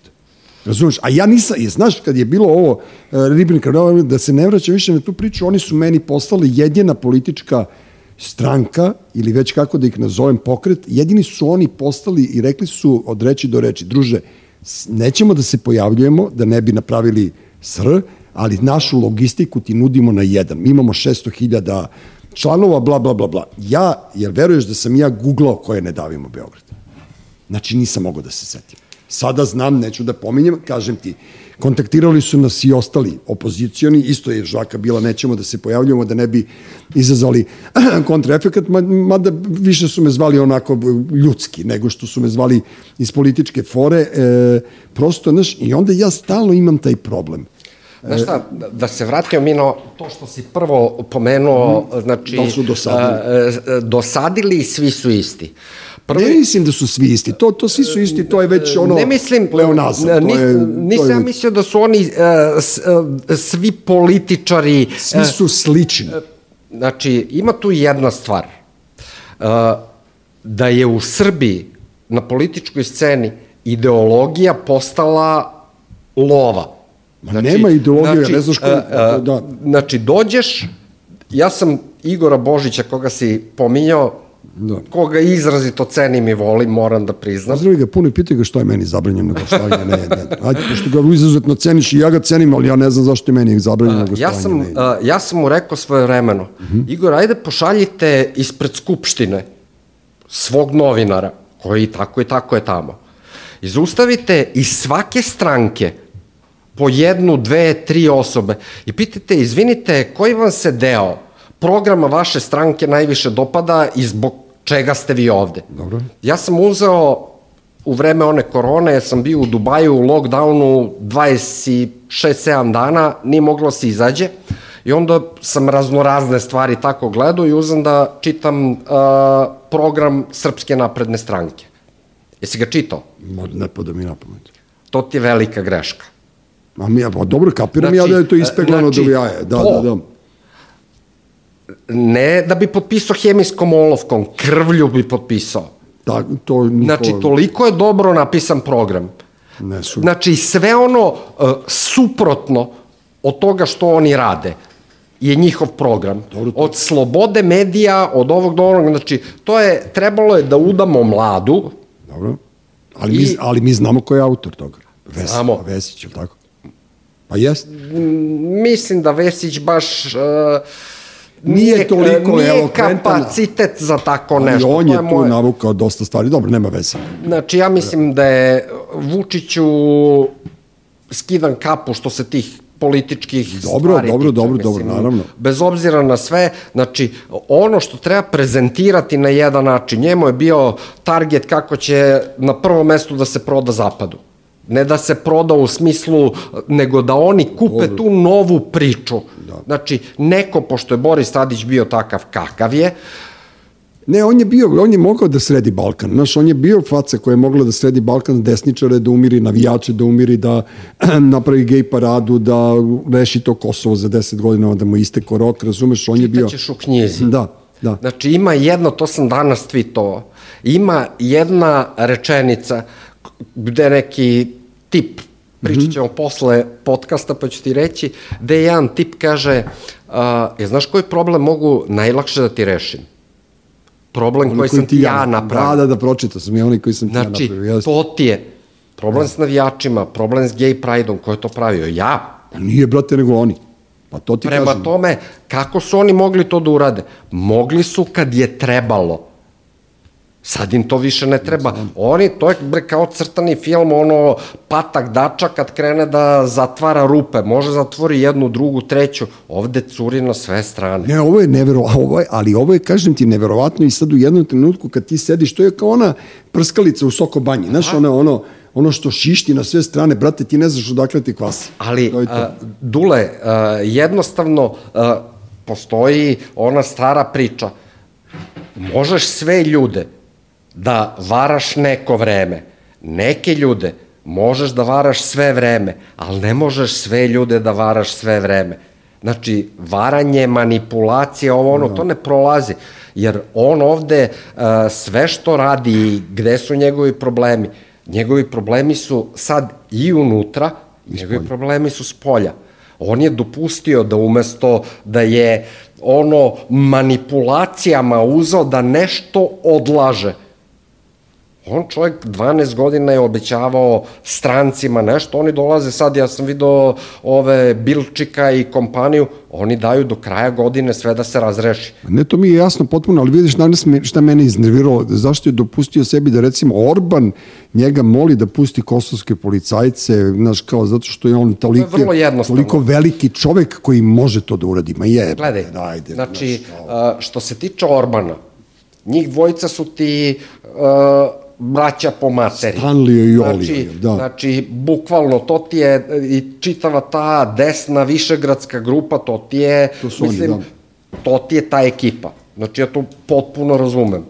E sad, uh, kakva je percepcija našeg naroda prema Orbanu koji je naš veliki prijatelj i tako dalje i tako dalje, prikazuju ga kao kao što se gradio kult ličnosti prema uh, Rusiji, prema Putinu i tako dalje, krenuli su istu ili sličnu priču s Orbanom da prave.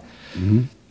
Mnogo je bolje da ti kaže Orban pusti tri policajca za javnost i da ih pustiš, nego da ti kaže Hill i da ti kaže Amerika. Ne, to mi je jasno. Jer u jednom slučaju Da. da. ti kao ti mena da zamoliš, ajde Igore, molim te, skloni ovo, ja kažem, ma da, Dule, nema problema, evo, skloniću, mm -hmm. a da mi dođe ovde neko ko je omražen, pa mi naredi, dakle, ja moram Da, da, da.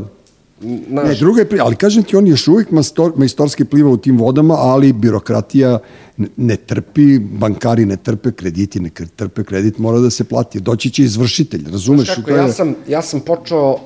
Ne znam, ja se nekako ja radujem, Ja sam pre par godina počeo da pecam. I to je božanstven odmor za mozak. To je strpljenje, brate. S- Počeo sam da mušičarim, ja pojma nisam imao o tome. To je ono, Fly fishing. Aha. I imaš, što kažeš, on pliva. dobro, Znači imaš ovako male muve koje su 0,2 grama teške, koje treba baciš 15 metara od sebe, da riba ne prepozna kad muva padne da to nije prava muva i onda ona pliva po površini, riba izađe i to je genijalno. Taj trenutak kad je zakačiš, fantastično. Imaš druge muve koje ne plivaju po površini, nego plivaju, to su, ove gore se zovu suve muve, mm -hmm. ove su mokre muve koje, pošto 80% se ribe hrane ispod površine vode. To su mokre muve, a imaš i nimfe koje se koriste da pecaju ljudi na dnu. Znači, mnogo daleko je on od plivanja na površini, mm -hmm. a ne bi mogao da poredim baš ni u tom gornjem delu. Znači, ovo je sad, sad ono pred, spustio se. pred tonjenje. Mm -hmm. Znači, i za to mogu da uh, pretpostavim da je on isključivi krivac. Je li pravio uh, greške da se okruživao ništa uopšte nije ono kao, ma nije sloba mira je kriva.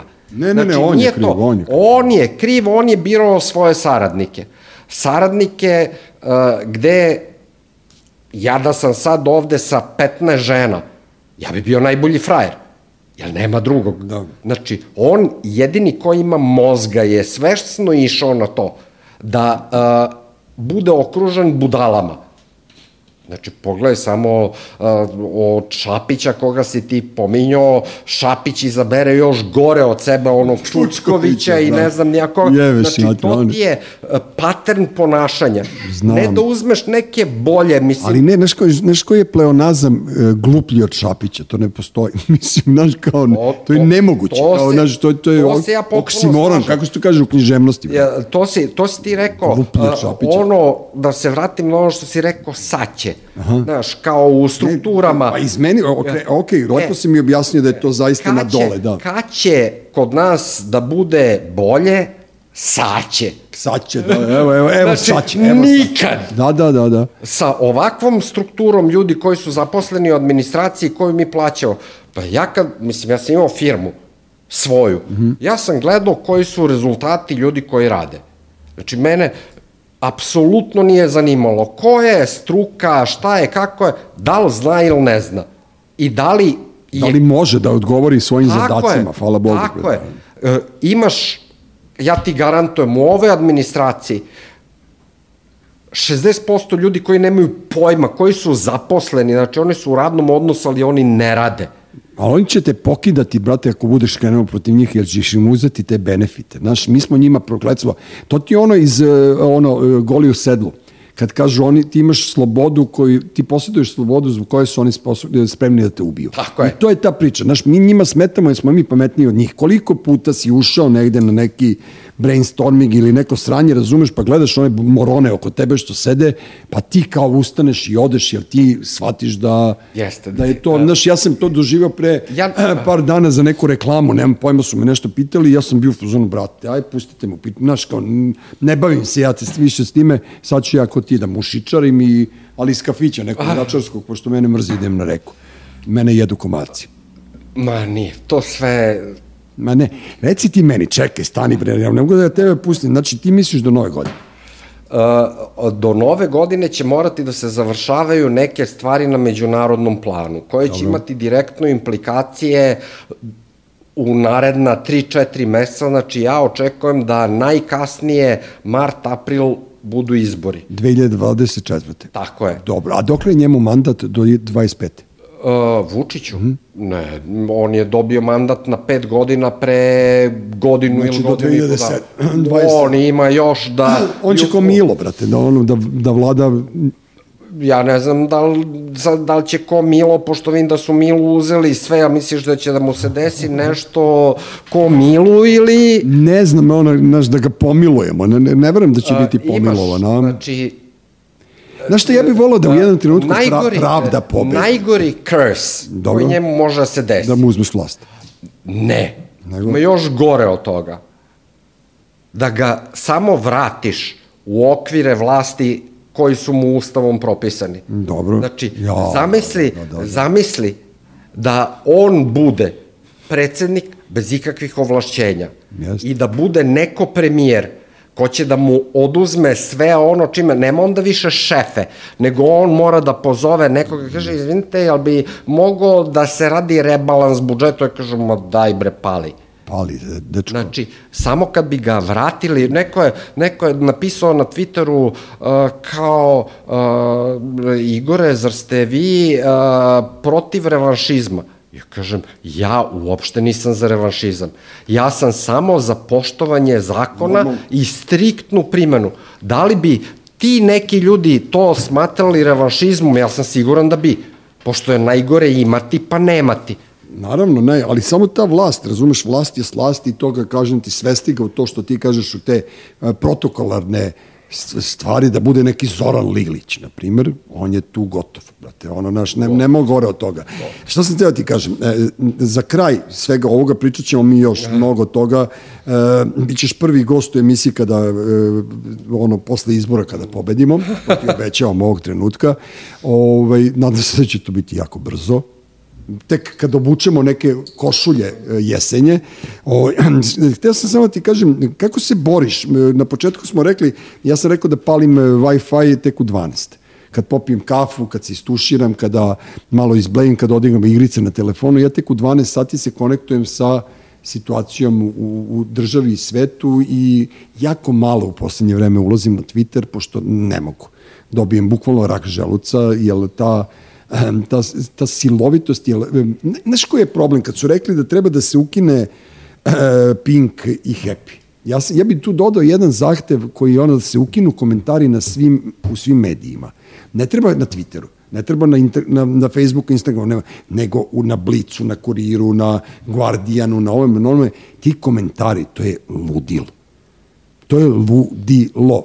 Prva stvar To je koju opet meni... zloupotreba Prva stvar koju sam naučio od tebe i od tebe, tvojih kolega, možda si čak to i ti rekao, a mislim da je Voja Žanetić to rekao u nekoj mojoj emisiji, da prvo pravilo društvenih mreža je ne čitaj komentare. Naravno. I to je meni on rekao pre 20 godina, razumeš? Ja naravno kao svaki primat sam čitao komentare, e, to kad smo uveli na 92 na SMS poruke, pa posle 7 dana volimo vas, najlepši ste ovo ono, jebem li ti majko, mrtvo dete i tako dalje i tako dalje.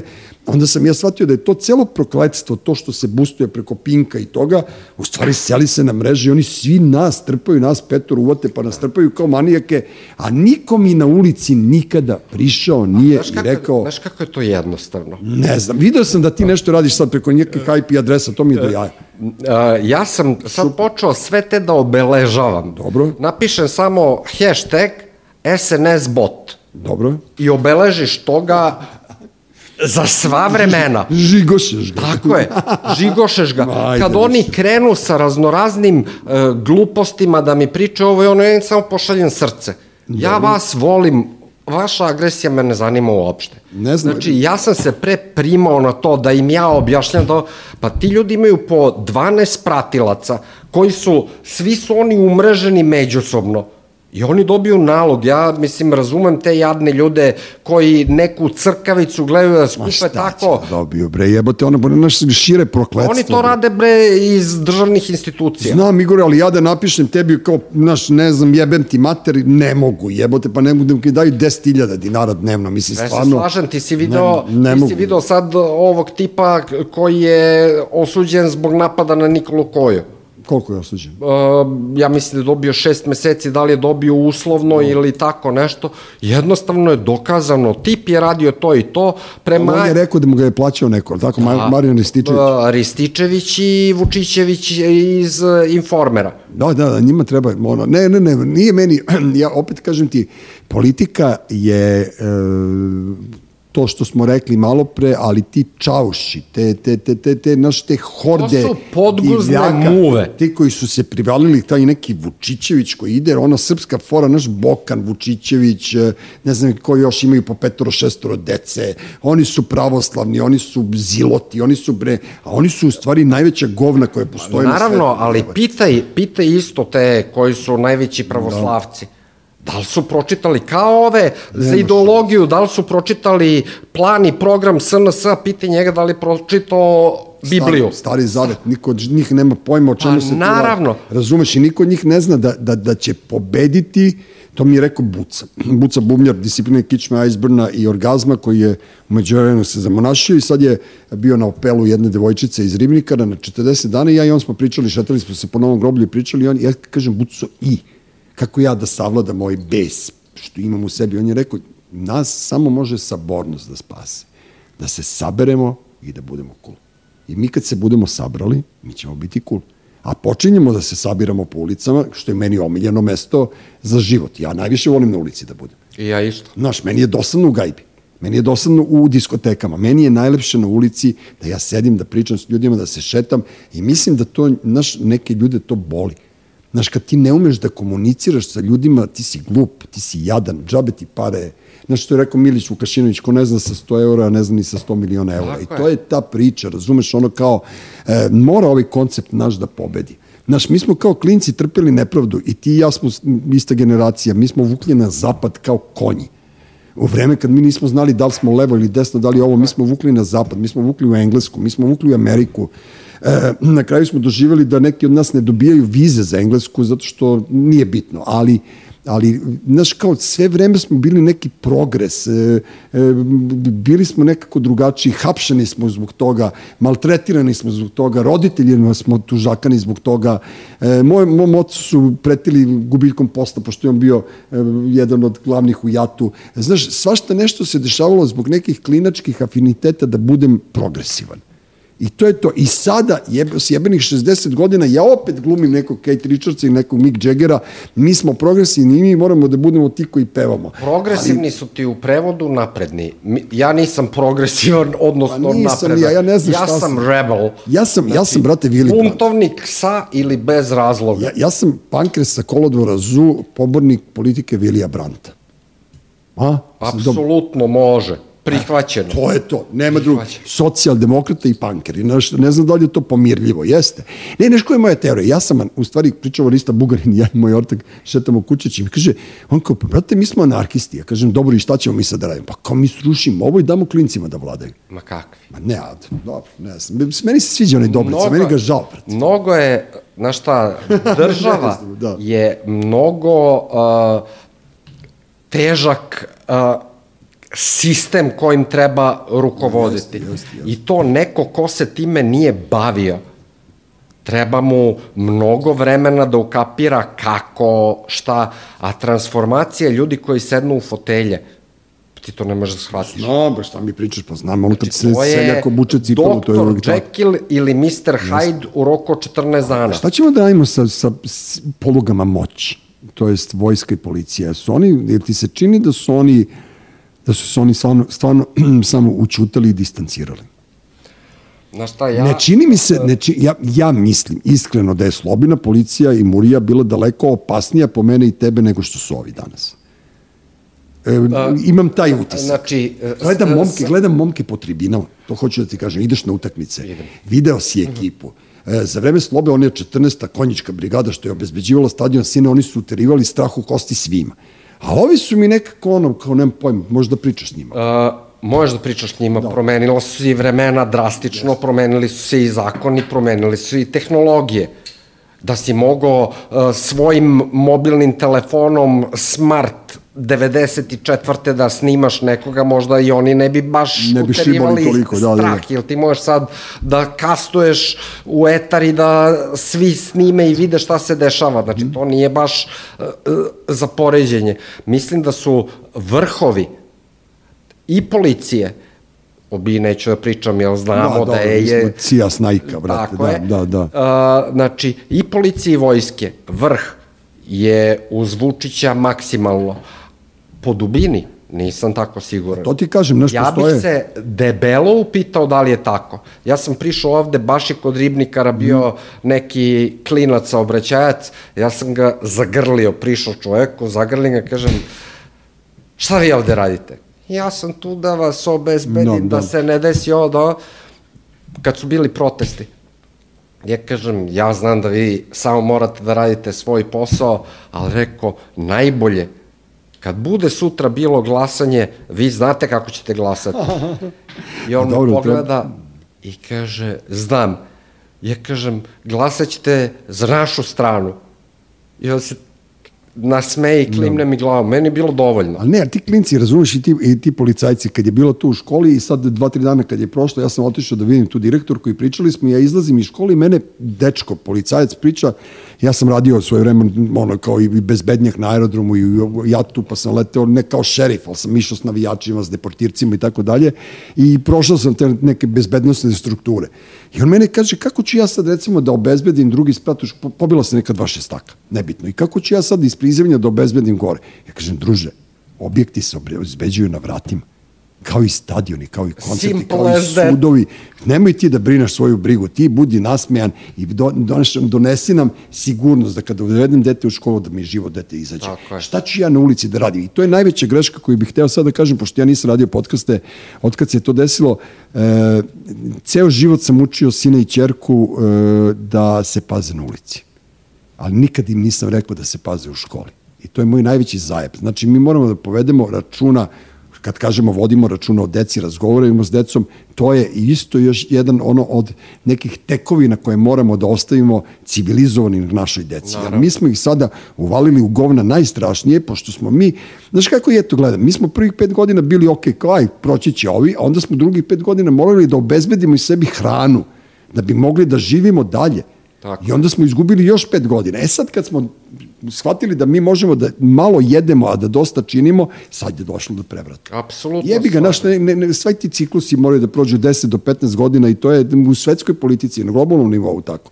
Znaš, tako da ja mislim da, da je ovo vrlo blizu, a i idemo, moja vračara mi je rekla tako da... Idemo u pravom smeru, to je bitno. idemo i tako dalje, tako dalje. E, Igore, hvala ti puno. Sad sam teo samo da ti kažem jednu stvar. Ja znam gde ćeš biti za dva dana. U areni, brate. Nisam Izgubili ste. Jeste.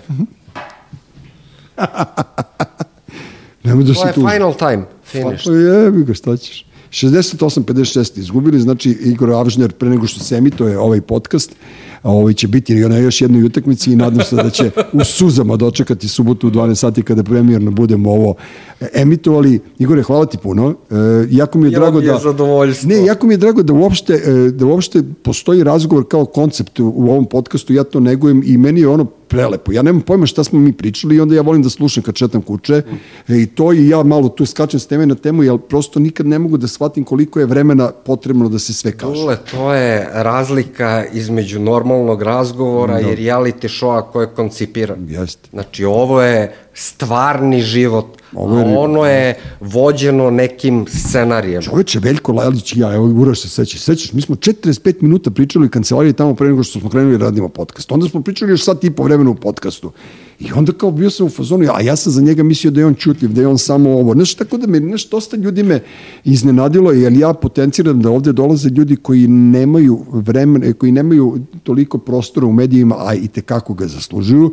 Ti si sad dobio slučajno ovim krugom, međutim, niko ti neće dati sad tipo da pričaš, to budi siguran, i niko te na ovaj način neće i oponirati, a i podržavati kao što ja, ne, možemo da se ne slažemo u mnogih stvarima, ali ćemo uvek razgovarati i uvek biti ortaci. To je, to je ono bitno i to treba i ljudi bre, da shvatite, jebate, naš, možemo mi da se volimo ili ne volimo, ali treba da razgovaramo, treba da budemo ljudi i to je poruka ovog podcasta komunikacije nema ništa. Ne, brate, moraš da pitaš ono. Znaš, sad ono, znaš, lepo je ono kao zamoliš nekoga za ples. Ne možeš da ga otmeš za ruku i da ga drkaš po dance podijumu. Uroš Bogdanović, evo ga preživeo srećan, moj, moj ciganin, to ne menja stvari, ciganin je bio i moj stari, Igor Avžner u tugi i u suzama zbog Partizana, Dulo Nedeljković, vidimo se u subotu premijerno, prijatno. Treći svet. Treći svet.